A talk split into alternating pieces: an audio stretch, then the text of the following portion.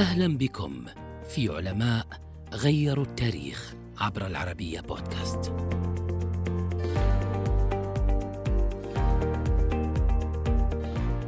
قدم أبرز الاختراعات في عصر النهضة للبشرية التي من دونها لم نكن لنعيش التطور الحالي في المعمورة. جورج ستيفنسون المهندس الإنجليزي مخترع أول سكة حديد في العالم ولد في قرية ويلم نورثمبرلاند ببريطانيا في العام 1781 لأسرة ذات دخل مادي ضعيف.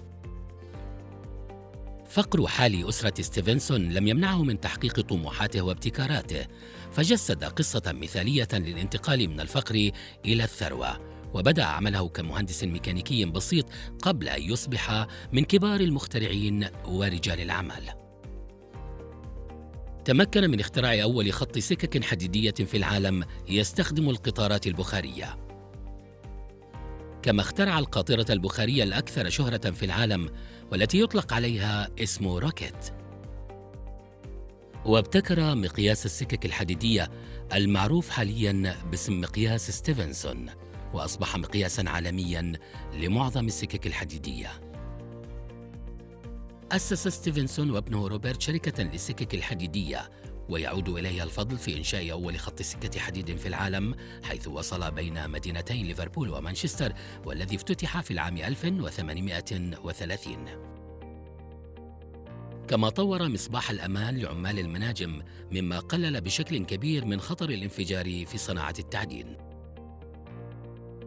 عد مؤرخون ستيفنسون مثالا فذا للنجاح. كما يضرب به المثال حتى يومنا هذا في عدم اليأس وإمكانية البدء من الصفر للوصول إلى الأهداف بريادة ستيفنسون كان النقل بالسكك الحديدية أحد أهم الابتكارات التكنولوجية وعنصرا أساسيا في الثورة الصناعية. شيد له تمثال بمتحف السكة الحديد القومي في يورك ببريطانيا